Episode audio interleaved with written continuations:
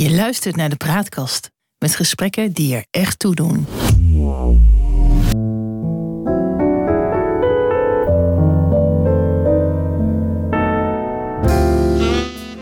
Welkom bij de Praatkast.nl. Dit is een aflevering van het Geheugenpaleis. Mijn naam is John Knerim en samen met Han van der Horst maken we deze podcast.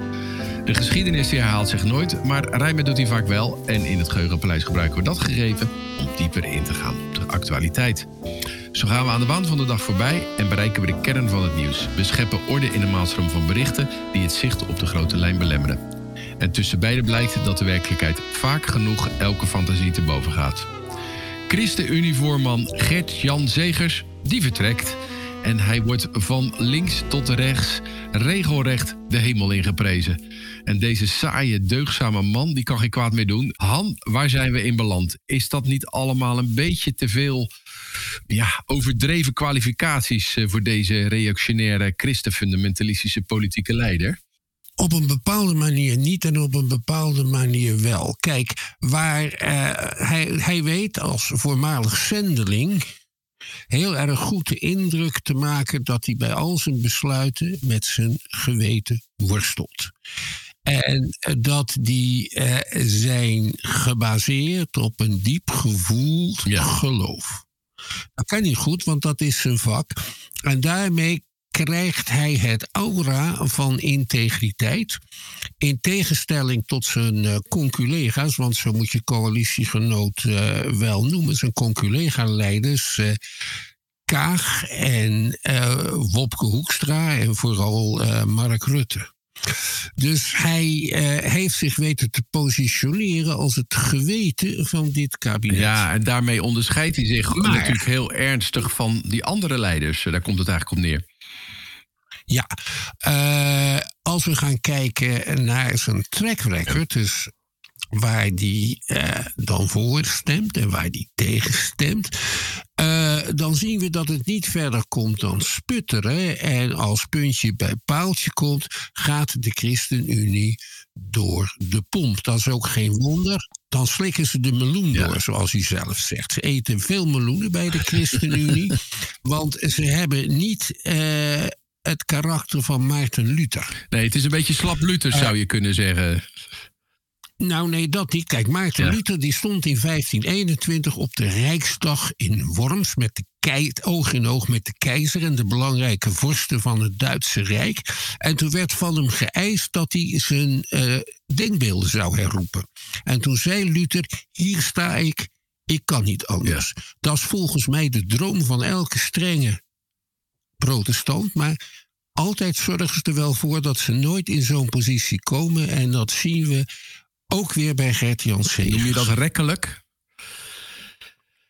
Um, ik weet niet precies hoe je dat noemt. Ik weet niet wat ik zou zeggen bij zo'n gelegenheid. Nee, maar wat je eigenlijk zegt is uh, dat het hier gaat over uh, de beeldvorming. Hij is zich goed bewust van het beeld wat hij uh, naar buiten toe eigenlijk laat zien.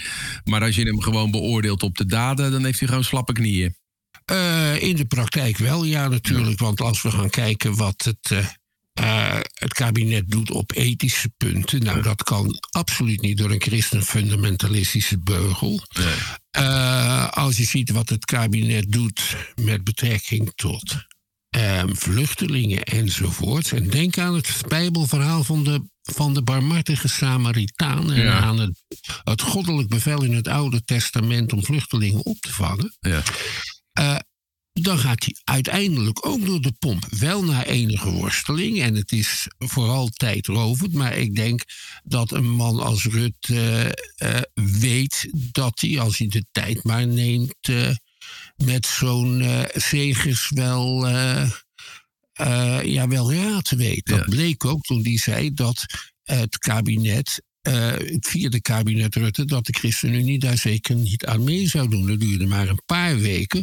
Of hij had zich bedacht. Ja. Na een worsteling. Na een worsteling. Ja, het gaat altijd om een worsteling. Dat, dat, dat, ja. dat vinden die gereformeerden natuurlijk fantastisch. Want het hele leven is één grote uh, leidenslast. Uh, ja. maar, maar dat pragmatisme van hem, is dat nou ook niet wat, wat eigenlijk wel kenmerkend is voor de gereformeerde volksaard? Uiteindelijk wel. Uiteindelijk wel. Hij is uh, leider van een fusiepartij, dat moeten we niet vergeten. Ja. Uh, de ChristenUnie is een fusie uit 2000 van de, het Gereformeerd Politiek Verbond. Dat is een partij waar heel wat over te vertellen valt. En de Reformatorisch Politieke Federatie. Ja. En dat waren twee streng protestantse partijen die vonden eh, dat het CDA een aap maakte van het christendom. En, die, en voor wie uh, de staatkundig gereformeerde partij toch uh, te reactionair is. Het gereformeerd politiek verbond. Ja.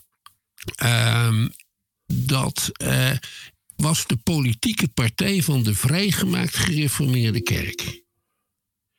En daar mocht je alleen maar een carrière in maken als je ook lid was van die vrijgemaakt gereformeerde kerk. Maar dat was wel een klein, maar een klein kerkje, dus ze hadden nooit meer dan één of twee kamerleden.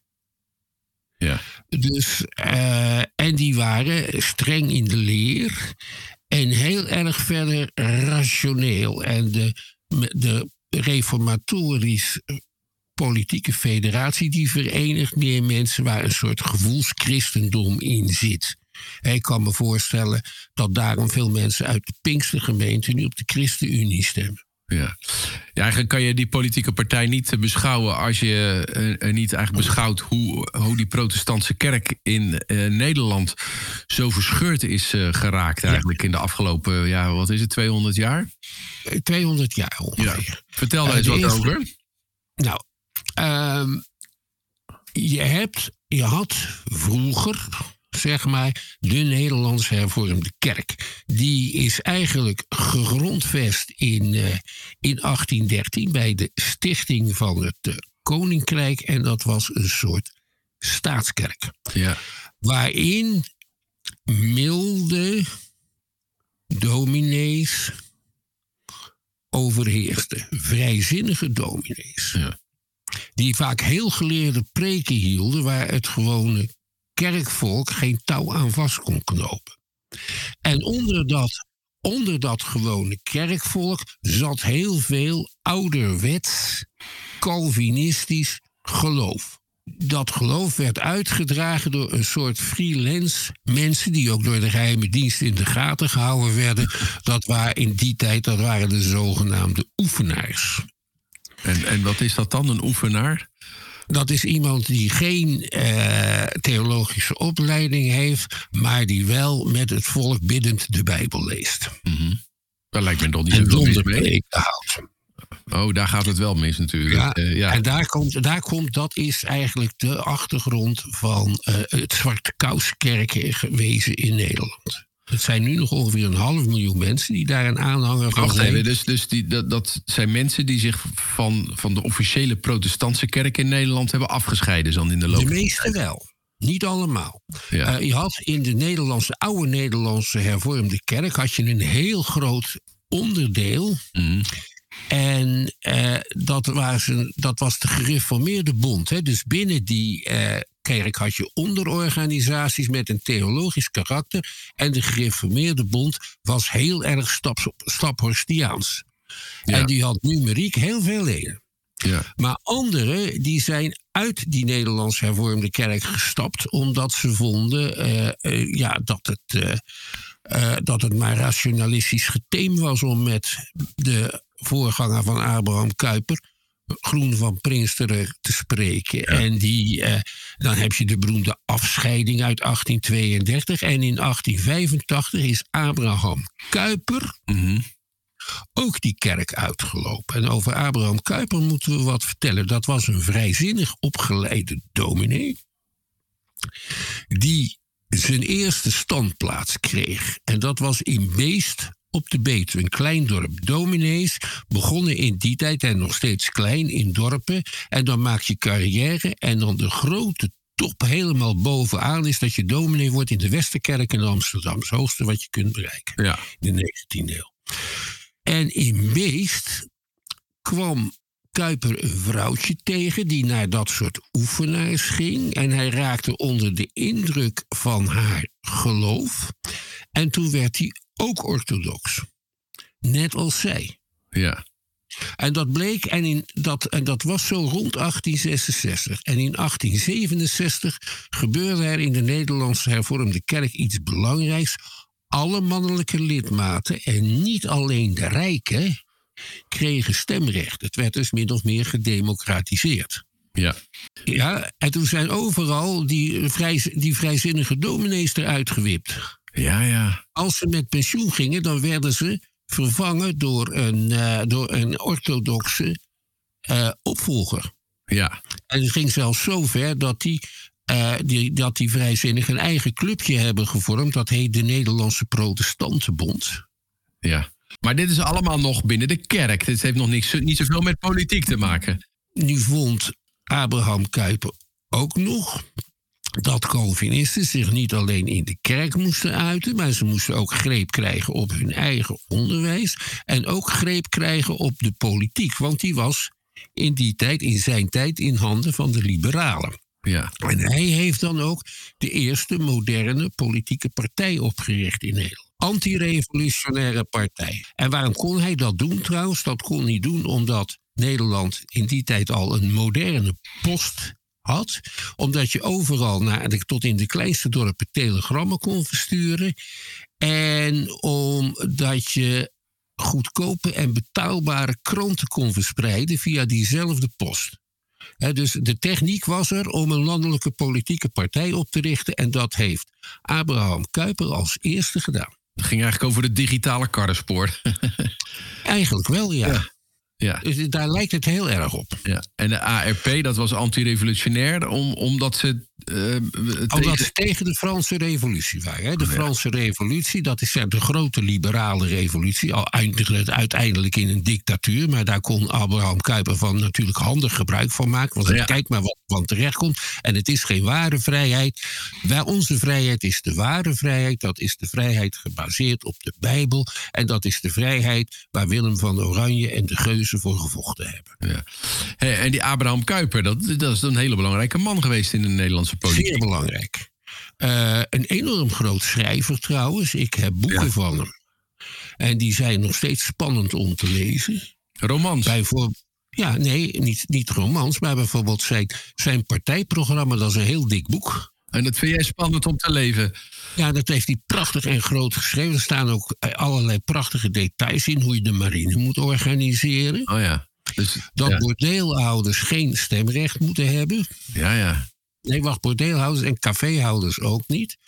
Eh, dat in de Bijbel komen prostituties voor. En dus prostituees mogen, maar pooiers niet. ja. En, en dat is echt, het is een heel dik boek. En dan heeft hij een ander dik boek, in drie delen. Net als Karl Marx, Das Kapitaal, heeft hij iets geschreven. Dat heet de gemene gratie. Er staat in hoe je de staat in moet richten. Ja. Tot in de details. Maar dat is En eigenlijk een gereformeerde partij dan, die, die dan Ja. in, in, in ja, de Met politiek gereformeerde omzet. scholen, Ja. gereformeerde verenigingen en gereformeerde kranten. En had je toen ook andere christelijke politieke partijen? Eh, op dat moment nog niet. Eh, je, had wel, je had wel een katholieke kuiper, die heette Ja. Herman Schaapman. Dat was een priester die opkwam voor het algemeen kiesrecht, die Ja. vrij modern was. Hij was ook voor leerplicht. En hij moest regelmatig door eh, rijke, werden er crowdfunding-acties georganiseerd onder rijke katholieken, omdat hij zijn rekeningen in de dure Haagse restaurants weer te hoog had op laten Oh ja. lopen. Hij woonde in Den Haag omdat hij Kamerlid was. Ja. Oké, dus dan had je eigenlijk een, een katholieke stroming en een, liberale stroming. En dan eigenlijk een, een. Protestantse stroming.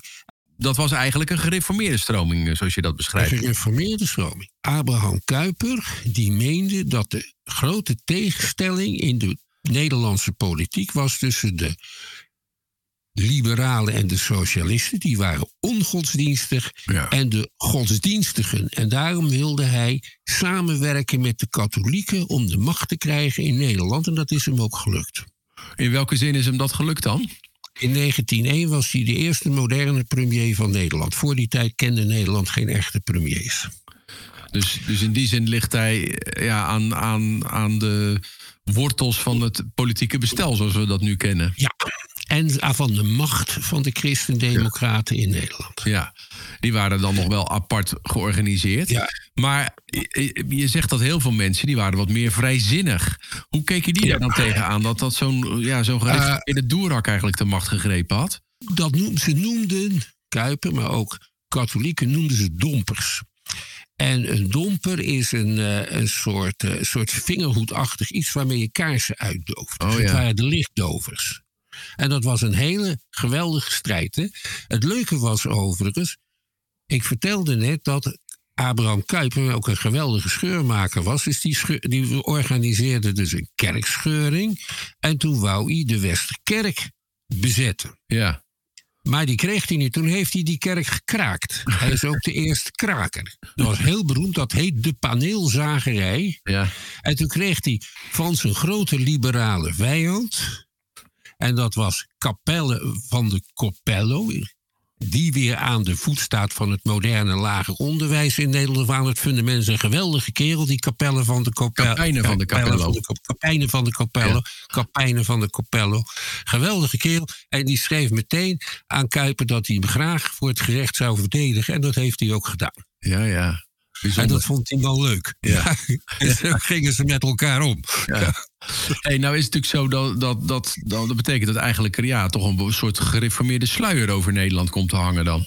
Ja, en, en, en katholieke slui. Eigenlijk pas sinds eh, de, de, de 1918 worden voor het eerst in Nederland verkiezingen gehouden voor, met algemeen mannenkiesrecht. Ja, En toen kregen de confessionele partijen bij elkaar de absolute meerderheid. dus je zou dat kunnen zeggen dat dat eigenlijk een overwinning was op de elite tot dan toe. Dat was het ook. En toen de vrouwen kiesrecht kregen, toen nam die meerderheid van de confessionele partijen verder toe. nog eens toe. Ja. Ja, en, en ja, dat heeft ertoe geleid dat, dat zeg maar de, ja, de gereformeerde christenen jarenlang hebben geregeerd eh, over Nederland. Vaak Ja, natuurlijk. ja, de katholieken waren natuurlijk ook vaak aan, de, eh, aan de macht. Ja, kijk, je had altijd, je hebt in de, de, de premiers met die het langst aan de macht zijn gebleven in Nederland, Ja. op Rutte, na zijn allemaal kat, allebei katholieken. Dat zijn Lubbers. En die jaren 80, begin jaren 90. En ehm eh Ruizen de Bierenbroek Ja. in, eh, in tussen de twee wereldoorlogen. ja, ja. En dat was de premier. Ja. En de man achter de schermen, dat was iemand, een politicus, die heette Monsieur Nolens. Dat was een priester. Dus daar moet je, die macht moet je niet onderschatten. Ja, ja. Hey, nou, nou weet ik uit Amerika dat als daar zeg maar christenfundamentalisten ja, aan, de, aan, aan de macht zijn of, of die iets voor het zeggen hebben, dat, daar, dat, dat, dat riekt ook wel eens. Dat blijken dan toch vreemdgangers te zijn. Die blijken Ja. dan toch buitenechtelijke homoseksuele contacten te hebben. Zit er, eh, geldt dat ook voor, voor Nederlandse eh, eh, ja, ge- gereformeerde leiders? Want ja, ik, ik denk altijd dat als je zo in zo'n keurslijf getrokken wordt, als het zo rigide wordt, dan kan niet anders dan tot perversiteiten leiden. Ja, ach, als je, als je vreemd gaan eh, en, en, en onder de indruk raken van een leuke jonge dame, als je dat perversiteiten wil noemen. Want Abraham Kuyper heeft bijvoorbeeld een verregaande verhouding gehad, die niet helemaal duidelijk is, met Mathilde Westmeijer. Ja.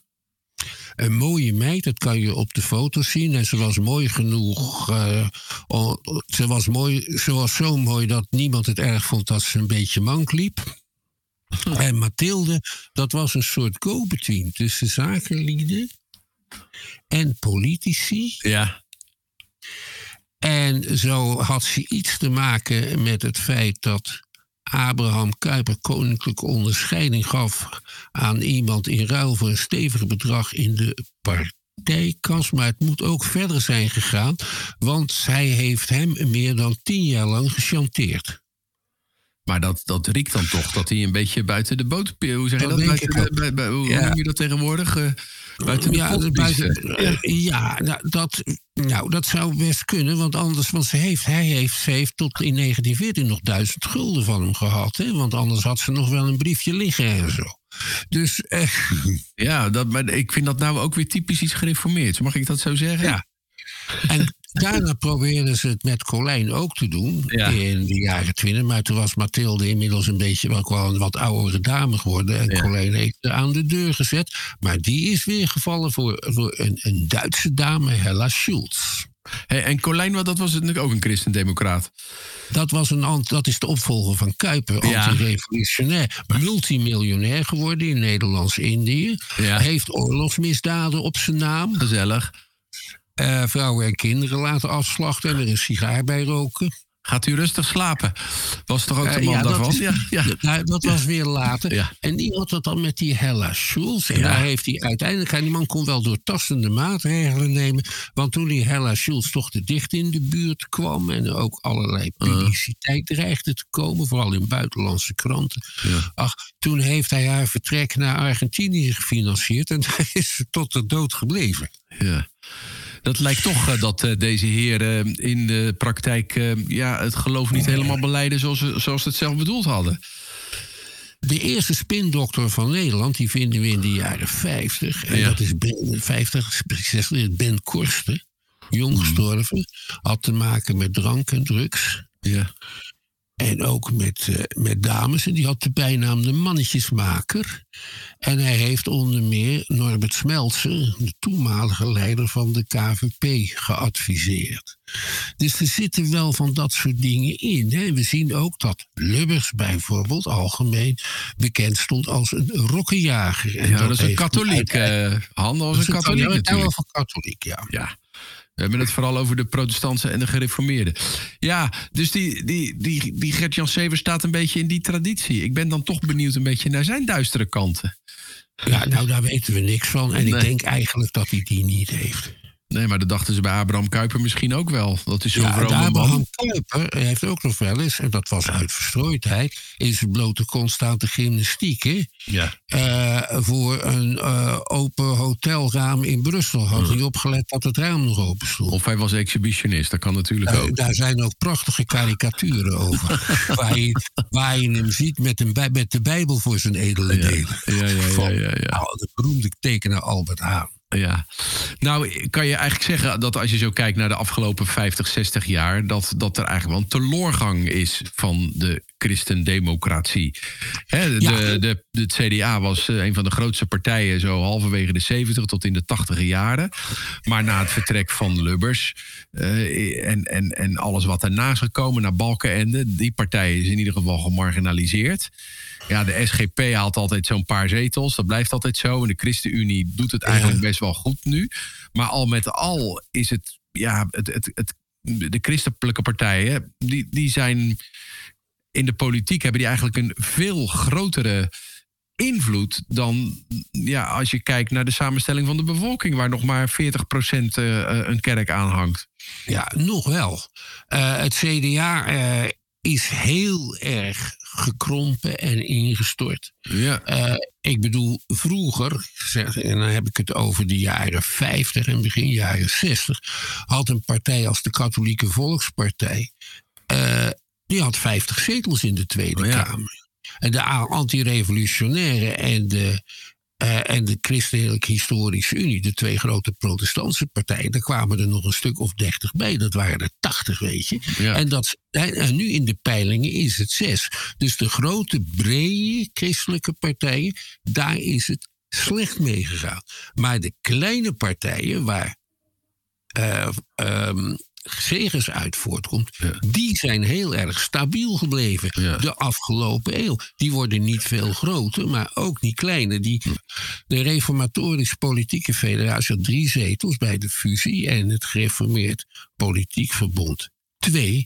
En uh, de ChristenUnie is nooit boven de vijf zetels uh, uitgekomen. Dus groei zit er niet in. Ze doen het bij peilingen altijd wel wat beter, maar dat wordt bij de echte verkiezingen gecorrigeerd. Ja. En de SGP is de oudste politieke partij van Nederland, bestaat ja. al sinds 1921 en is altijd ongeveer even groot geweest. En dat komt omdat de kerkjes waar ze op steunen, de, ja. die zijn niet ingestort. Nee. Fundament, als je, als je je kerk wil handhaven, dan moet je je gelovigen aan strenge regels onderwerpen. Compleet met een hele levensstijl. Want als je ze de vinger geeft qua vrijzinnigheid, dan nemen ze de hele hand. Dat kan je zien aan de teleurgang van de katholieke kerk in Nederland bijvoorbeeld. Ja, tegelijkertijd kan je natuurlijk zeggen dat het volstrekt haak staat op de ontwikkeling in de maatschappij. Waarin uh, men open staat voor abortus. Waarin uh, seksuele fluiditeit uh, een belangrijke rol speelt. Waar genderfluiditeit ja. inmiddels ja, goed te bespreken is. En waar, waar, waar mogelijkheden voor zijn. Waar we het hebben over euthanasie. Ja. Wat door veel mensen wordt geaccepteerd. En al deze partijen die, die, die verafschuwen dat. Die verafschuwen dat en juist daardoor blijven ze stabiel en blijven hun, blijft het aantal aanhangers ook stabiel. Ja. Dus het is trouwens verrassend uh, hoe erg dit allemaal lijkt op moslimfundamentalisme. Ja. Ja, daar heeft het heel veel van, uh, van weg. Dus die, ja. die kunnen elkaar daarin wel uh, vinden. En het zou me ook niet verbazen als uh, Thierry Baudet een reddingsboei uitgooit naar dit soort partijen. Of zij naar Thierry Baudet. Want die, ja, het, het, staan voor die conservatieve waarden. Dus het is wat ook wat, wat hem natuurlijk aanspreekt. Ja. Nou goed, hey, is het kiezersbedrog dat die Zegers nou zo tussentijds opstapt? Ja, ik vind eigenlijk dat dat wel meevalt. Ja. Uh, ik ben ook wel eens tussen, die was weliswaar niet gekozen, maar ik ben ook wel eens ineens halverwege in het jaar uit het onderwijs vertrokken omdat ik een betere baan kon krijgen. Oh, ja. uh, begrijp je? Dus dat vind ik niet zo erg. Ik vind het zelfs eigenlijk wel een goed idee dat hij twee jaar ja. voor de verkiezingen opstapt, zodat zijn opvolger. Ja.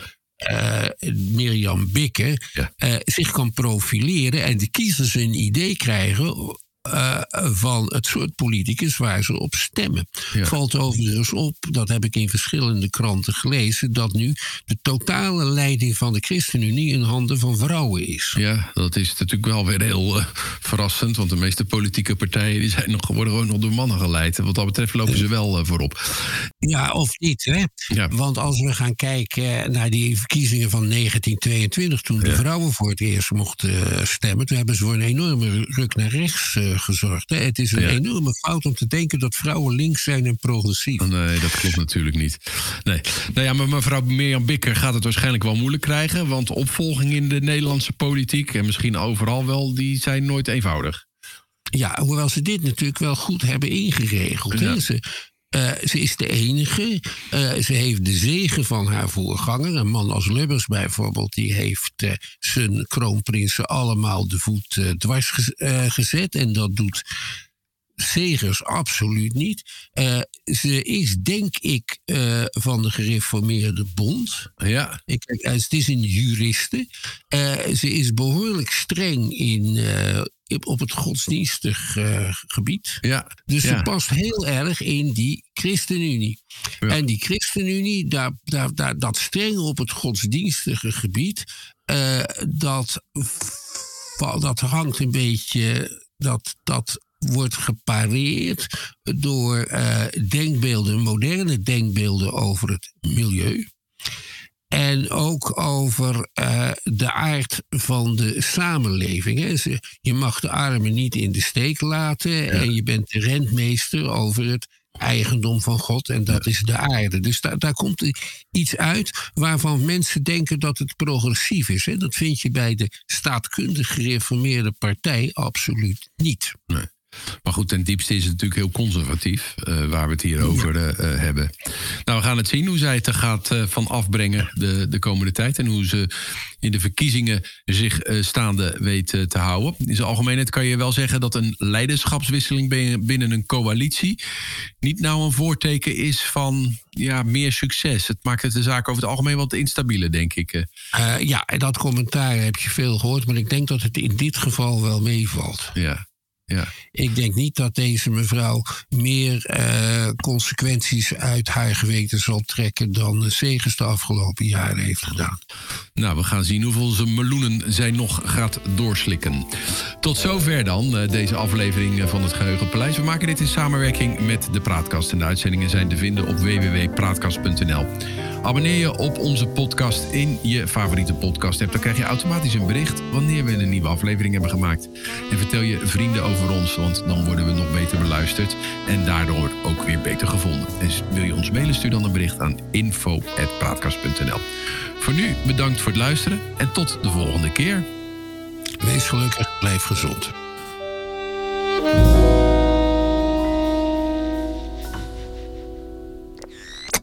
De praatkast.